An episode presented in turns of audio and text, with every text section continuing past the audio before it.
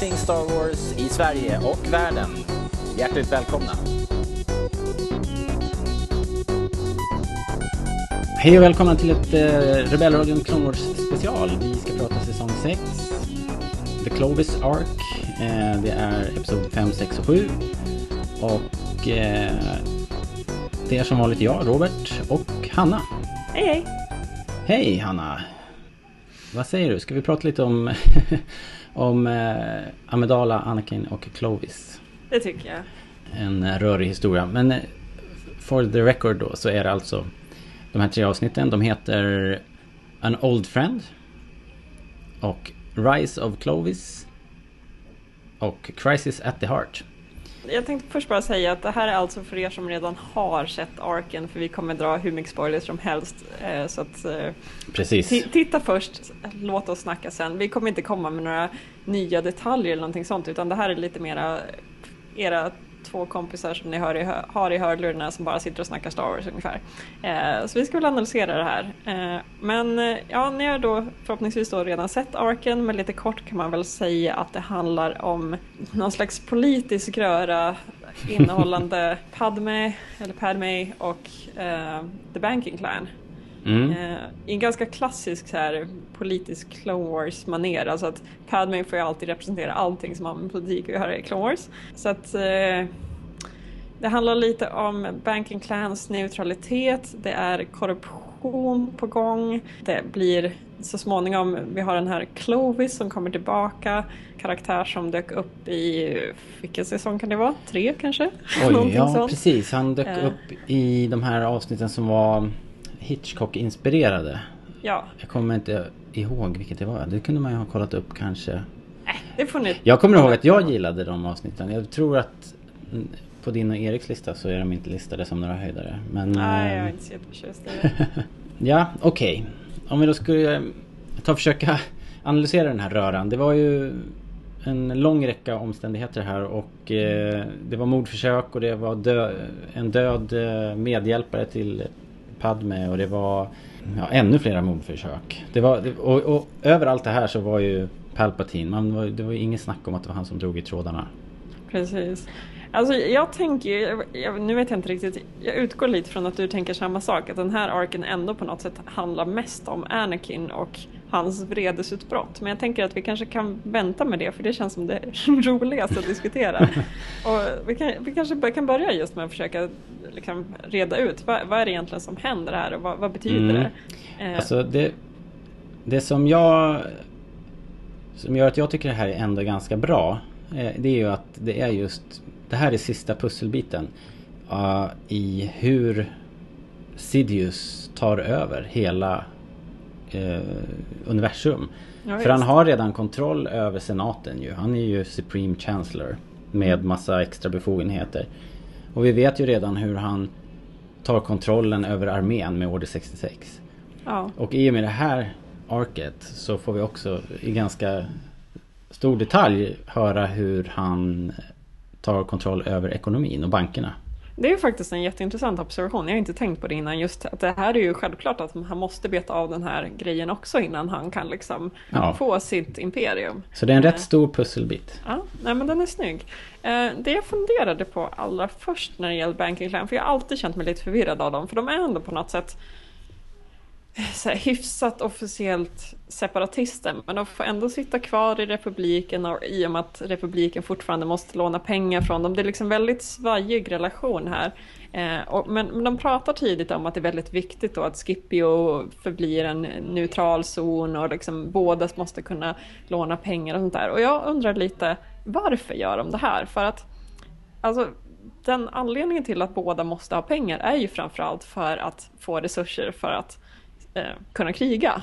Mm. Eh, och hade det då inte varit smartare bara att ta över Scipio eller ta över Banky Clan redan från början? Alltså är det inte mer vettigt, alltså visst man sätter mycket på spel och man riskerar att förlora men är det inte mer vettigt att liksom bara attackera en liten, liten planet eller måne eller vad det nu är eh, och liksom minimera mängden våld som, in, in, som det innefattar. Liksom. För man skulle i princip vinna kriget om man ströp eh, den ekonomiska... Finansiella resurserna. Ja, Ja, precis. Det, det där är väl såklart, det finns säkert något jättebra svar på det där. Eh, För det som jag har ändå tycker att man kan säga är att, att eh, de missar ju faktiskt ingenting. Alltså, det är ju skrivet av, av det här gänget, det är ju George Lucas och Dave Filoni och eh, man tycker att, jag tycker att jag hittar såna här luckor ibland.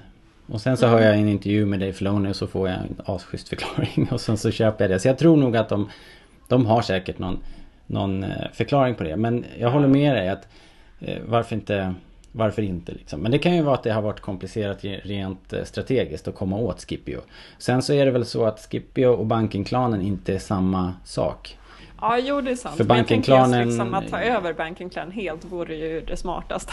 Ja, från, kanske. redan från början. Och då kan man också tänka sig, i, i och med att det slutar med att republiken tar över Banking Clan, vad, vad händer efter det? Är det liksom, borde inte då separatisterna direkt attackera tillbaka? För det här borde ju vara en så otroligt viktig eh, pussel, eller liksom en så strategiskt viktig position att ha kanske- Banking Clan. Jo. Men det kanske är så att det är så känsligt så att man inte kan, om man börjar hacka i det så bara slutar det fungera. Och då blir alla lidande. Ja, men jag menar att nu när ändå republiken tar över, då har, Ja. de ju, då har ju separatisterna ingenting att förlora på det. Nej, precis. Eh, Men då blir det ett evigt krig om vem som får pengarna. Det kanske inte är så kul att eh, liksom, visa upp i en serie. Men, men, men jag känns som att det känns som att separatisterna borde inte bara ge sig efter en sån här grej. Om Nej. de nu har gjort det till en så stor poäng att det måste vara neutralt och sen republiken kommer att ta över. Eh, Då, Då ser det, då, liksom det ser dåligt ut för separatisterna Ja, i slutet av det här. Ja. Och, men man kan väl anta också att det här är ganska nära eh, Episod 3. Ja, det är sant. Det kan man nog anta. Så att det här kanske är precis i slutet på kriget. ja. Maybe. Jag har en lite annan fråga också när det gäller just det här liksom, den gemensamma överenskommelsen republikerna och separatisterna har då inför Banking Clan är ju att de röstar ju till slut om att Clovis ska bli den nya ledaren. Mm. Eh, och republiken har ju börjat lära sig att lita på Clovis i och med att han eh, vad heter det, avslöjar den här korruptionen som, och Eh, liksom, de här fördelarna som separatisterna har fått. Så det kan jag förstå att republiken röstar på dem. Men borde inte republiken tycka det är lite konstigt att separatisterna fortfarande hejar på Clovis och fortfarande stödjer Clovis? Liksom, för att de, Clovis är ändå den som har avslöjat dem. Tänk- Borde inte de reagera och bara vänta nu, är inte han deras fiender? Där känner jag också att det är lite konstig lucka, men Ja. du kanske har någon smart idé på det här. Ehm, Alltså han var ju, han kom ju från det lägret ändå. Och, så att de hade väl, han hade väl förtroende där.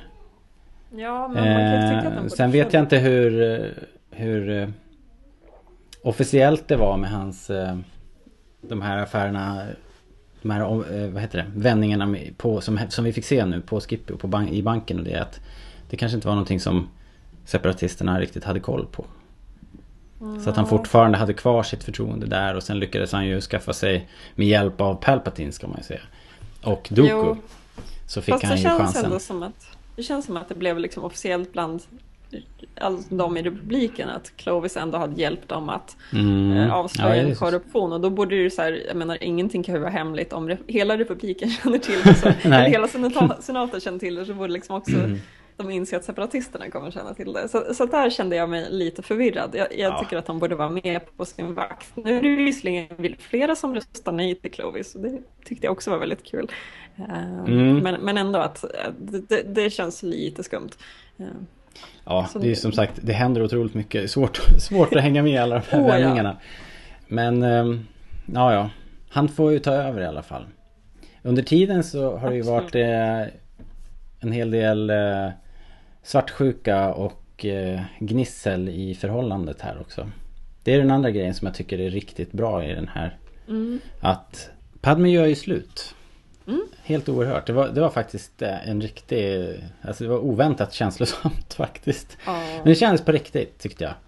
Ja, jag, tyck, jag tyckte det var fint, men där är jag också lite så där fundersam. Vad, vad var det egentligen som hände här? Och jag, för jag blev förvånad. Alltså vi, har, vi såg då genom flera omgångar att Anakin blev jättesvartsjuk, han fick vredesutbrott, han slog ner Clovis och allting sånt där. Det var ju absolut inte så att han kunde hantera sina känslor. Men sen när hon gör slut, då blir det liksom blir han helt matt och paff och vet, alltså han, han backar ju undan på något sätt. Ja, ja han vet, vet väl inte riktigt hur han ska hantera det. Nej, om man då jämför med hur han sen beter sig i Revenge of the Sith så är det här ett ganska annat beteende. Känns mm. inte så? För där är han så väldigt desperat. Han kan liksom inte, han kan inte tänka sitt liv utan henne och han liksom ska göra allting för att liksom få leva med henne för evigt. Och dessutom ja. är han ganska bitsk mot henne eftersom han börjar tänka att hon är någon slags alltså, konspiration mot Palpatine och lite sånt där. Så att där har han ju liksom helt annan typ av vrede i sig och besatthet. Ja. Det har väl gått längre då kanske och sen så då är han väl, om man säger episod 3, då, då kanske han är ännu mer pressad på något sätt. Att, eh, för då har han ju sett massa visioner att hon, att mm. hon ska dö och, och sådär. Så ja, inte vet jag. Men det kändes ändå som att det var bra att man fick se att det liksom var ordentliga problem i förhållandet. Mm. Ja men det, för det kändes ju som att det pratade liksom Padme om redan i Episod 2 att så här, det här kommer aldrig funka och sen ja. helt plötsligt så gör inte det. Nej. Det, äntligen får man det liksom. Precis. Men det jag tänkte på just med, liksom, om man då jämför ja, hans reaktioner då mot att hon gör slut i förhållande till att hon skulle dö. Då känns det lite som att jag tänker att det här kan vara en av anledningarna till att han reagerar så kraftigt i Revenge of the Sith. För jag försöker alltid liksom pussla ihop.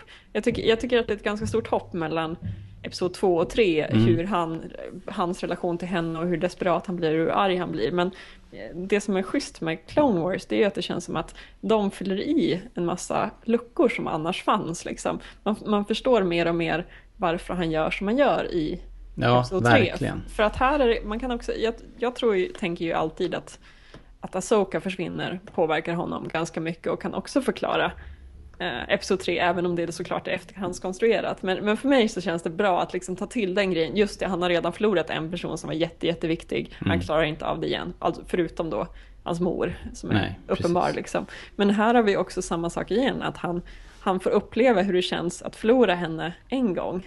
Ja. Och då vet han inte alls hur han ska bete sig. Men nästa gång har han liksom redan varit med om det och då får det absolut inte hända.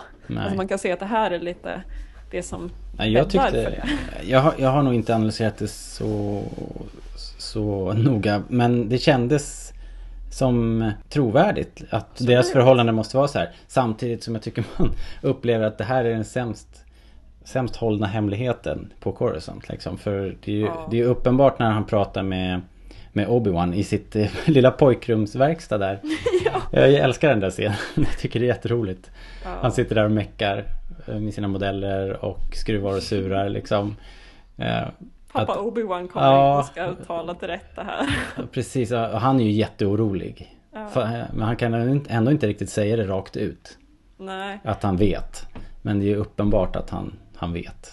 Jag läste någon liten recension om den här arken eh, online och då var det en som påpekade att det här är egentligen första gången man får höra Obi-Wan ens erkänna att han vet om vad som händer. För att i Episod 3 då, liksom, då är han lite så här, ja ah, okej, är, är det Anakin som är pappan liksom? Men, men, han, men då är det nästan som att det verkar som att Obi-Wan inte har fattat någonting alls. Och det är liksom jättekonstigt och ologiskt att han inte skulle känna av mm. Anakins känslor så kraftigt liksom. Nej, han bara han, jag tror han bara för, förnekar det liksom. Ja, ja, men det känns som att i, i, i Episod 3 så, så kan man tro det som att han har bara förnekat eller liksom anat men inte riktigt vetat. Men här är det så uppenbart att jo, han visste hela tiden. Och då känns det som att allting faller på plats. Det blir liksom mycket mer rimligt för att det här stämmer mycket mer överens med Obi-Wans och Anakins relation. Att mm. han alltid har vetat.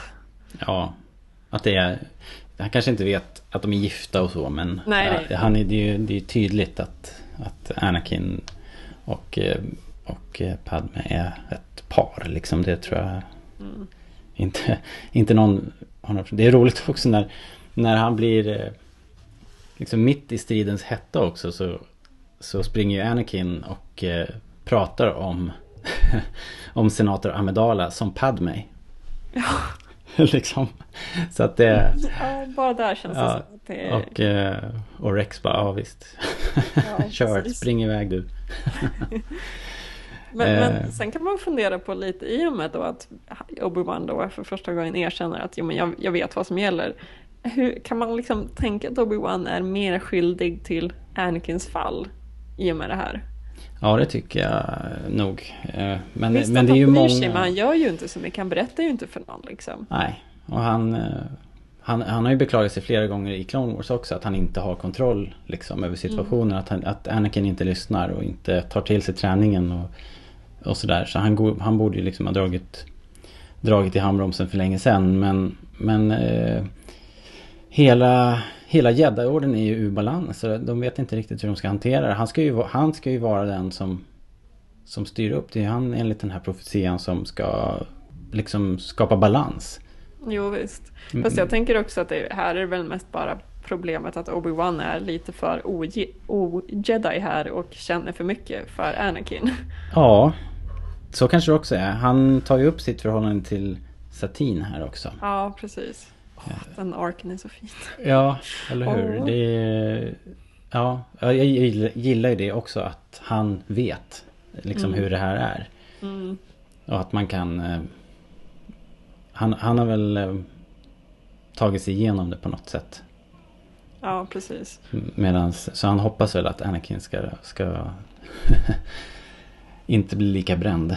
Ja, det kanske är därför han inte avslöjar det. Just för att han vet att så här, han vet att Anakin inte avslöjade Mm. Obi-Wan då i och med Satine. Och, så då kanske han känner också att så här, jag, jag får inte göra svika tillbaka liksom. Nej, precis. Och, och då har ju dessutom Anakin en hållhake på Obi-Wan. Absolut. Ja. Att eh, sälj inte ut mig för då, då kommer jag tillbaks med samma...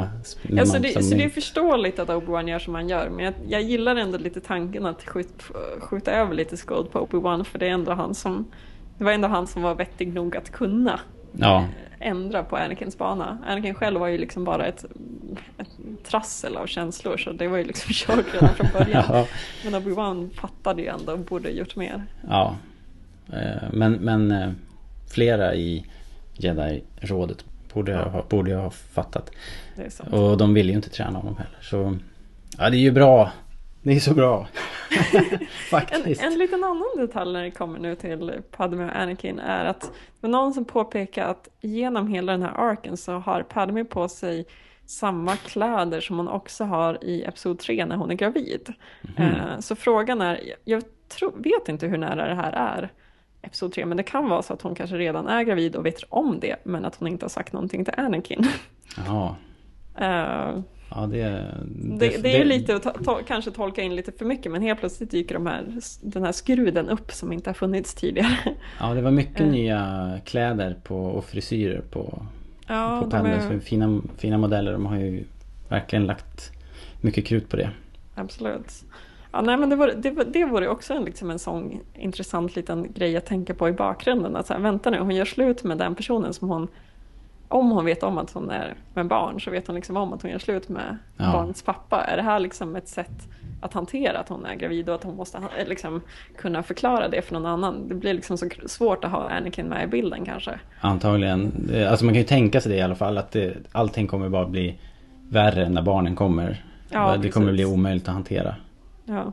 Så ja, de har ju de har satt sin rävsax Men då verkligen. har man ju också, det kan man ju också börja fundera på liksom, vad består deras relation av ifall det finns så mycket Ja, hemligheter och lögner. Det säger de väl också att det, det är ju bara massa lögner. Ja. Det, det, det är väl jo, det men första också de säger. in, det. inför varandra. Annars kan man tänka sig att, eller jag tolkar det liksom som att det är lögner utåt. Men, men just att liksom, om de inte ens berättar allting för varandra, då fattar man ju att det blir ett kris ibland. Ja, ja nej, det är sant. Det, det, det kanske har gått så långt så att de inte kan berätta för varandra ens.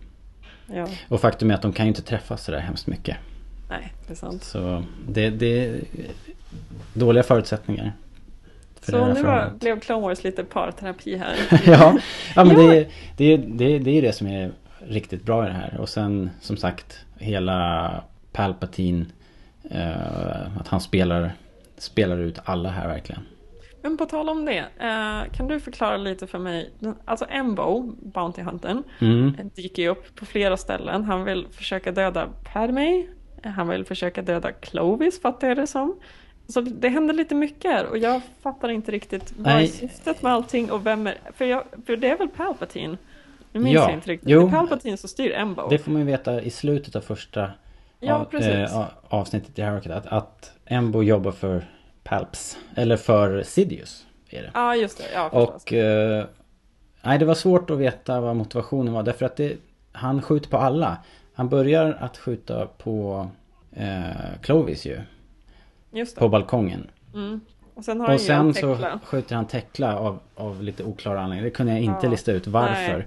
Jag vet inte ifall det, för att då har de väl redan placerat bomben. Precis. Han kunde inte ändra någonting där. Men Nej. det ska ju vara om de vill att liksom skulden för attentatet ska gå någon annanstans. Eller ja, jag vet inte. Det var, det var, det var faktiskt obegripligt. Det Ja, kunde jag jag, kände, jag kunde jag inte kände få att jag inte riktigt hängde med alls. Möjligtvis att det då ska liksom vara att, ha okej, Scipio är ett farlig plats, det här är inte så neutralt som vi verkar. Alltså att republiken ska liksom bli lite rädd för hela situationen och inse att det finns mycket fara och att separatisterna gör allting för att inte hemligheterna ska komma fram. Alltså, så att det ska se ut som att Embo jobbar för separatisterna. Ja, Eh, jag menar- motivationen var svår där. Sidious i sig tjänar ju på att Clovis kommer ut med den här informationen. Så. Ja, så det kan ju aldrig ha varit meningen att Clovis eller Padme skulle dö. Därför att det känns ju också som att i det här äh, så har han hela tiden tänkt att eh, han skickar ju dit eh, Anakin med berått mod och liksom det, det, är ju, det är ju helt inräknat liksom att eh, det ska vara svartsjuka där. Oh ja, absolut. Ja, och han, Även han det behöver ju Padme för ett tag till känns det som. Alltså han tänker ju inte att hon ska dö för hon är ju väldigt bra på att trigga igång en massa konstiga känslor. Mm. Eh, Så, så det känns, ja, jag blev förvirrad där. Ifall det är någon av er som lyssnar som har fattat vad det är som händer så får ni jättegärna skriva till oss Ja, i verkligen. kommentarsfältet eller liknande. Eh, Bena ut det här åt oss. Det För jag kände mig lite korkad om jag ska vara ärlig. Ja, jag kunde inte lista ut det vad, vad, vad Embos uppdrag var. Men det var det, på något sätt att driva dem ihop. Och starta hela den här processen då. Eh, Men det var, det var knivigt att hänga med där, helt Det känns som att klart. det kunnat, det kunnat hända lite vad som helst där. Alltså att, Ja, eh, men, men det kanske är Palpatine igen som är så översmart så att han fattar exakt hur det ska gå i han är slutändan. smartare än oss i alla fall. Ja.